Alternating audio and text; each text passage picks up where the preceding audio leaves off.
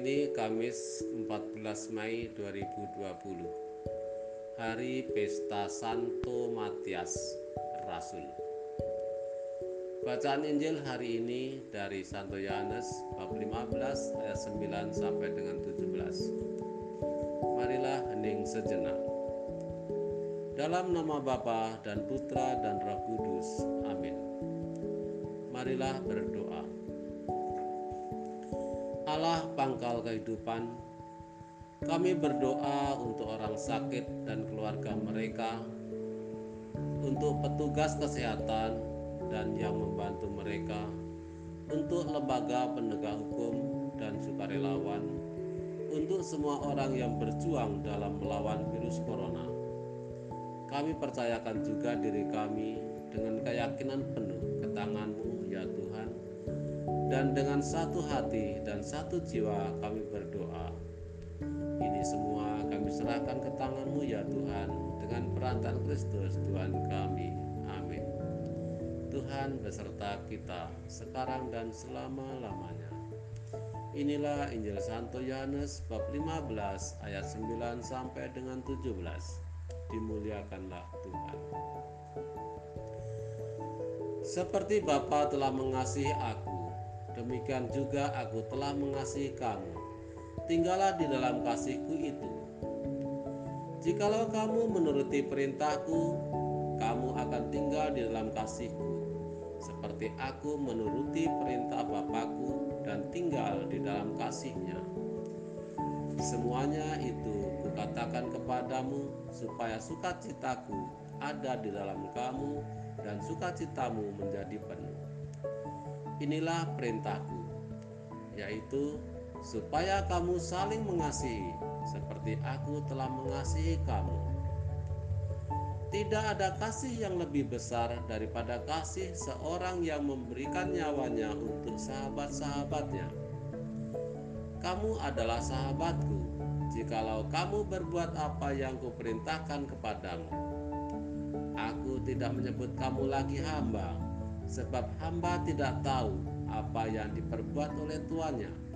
Tetapi aku menyebut kamu sahabat, karena aku telah memberitahukan kepada kamu segala sesuatu yang telah kudengar dari Bapakku. Bukan kamu yang memilih aku, tetapi akulah yang memilih kamu. Dan aku telah menetapkan kamu, supaya kamu pergi dan menghasilkan buah, dan buahmu itu tetap supaya apa yang kamu minta kepada Bapa dalam namaku diberikannya kepadamu.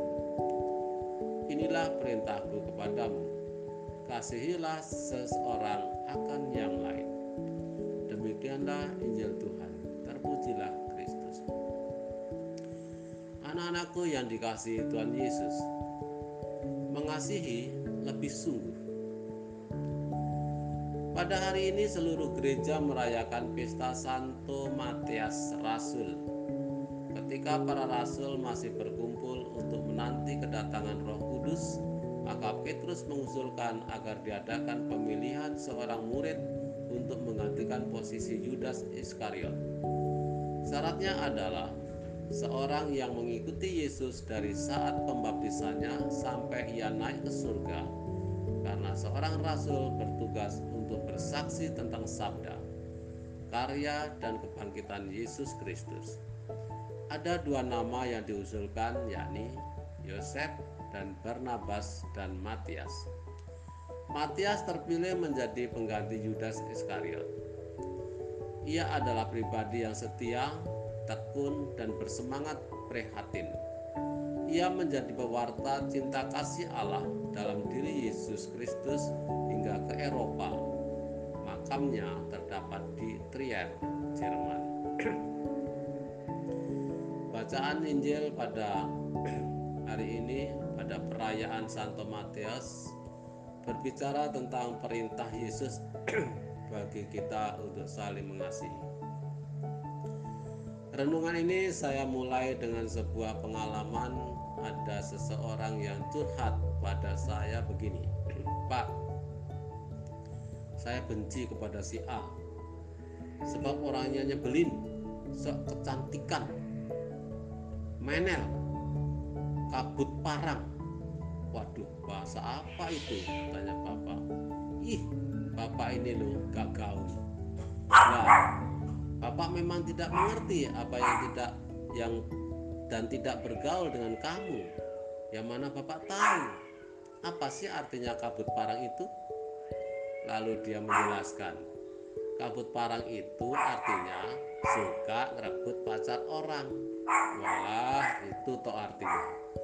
Kabut parang suka merebut pacar orang. Oh ya ya ya.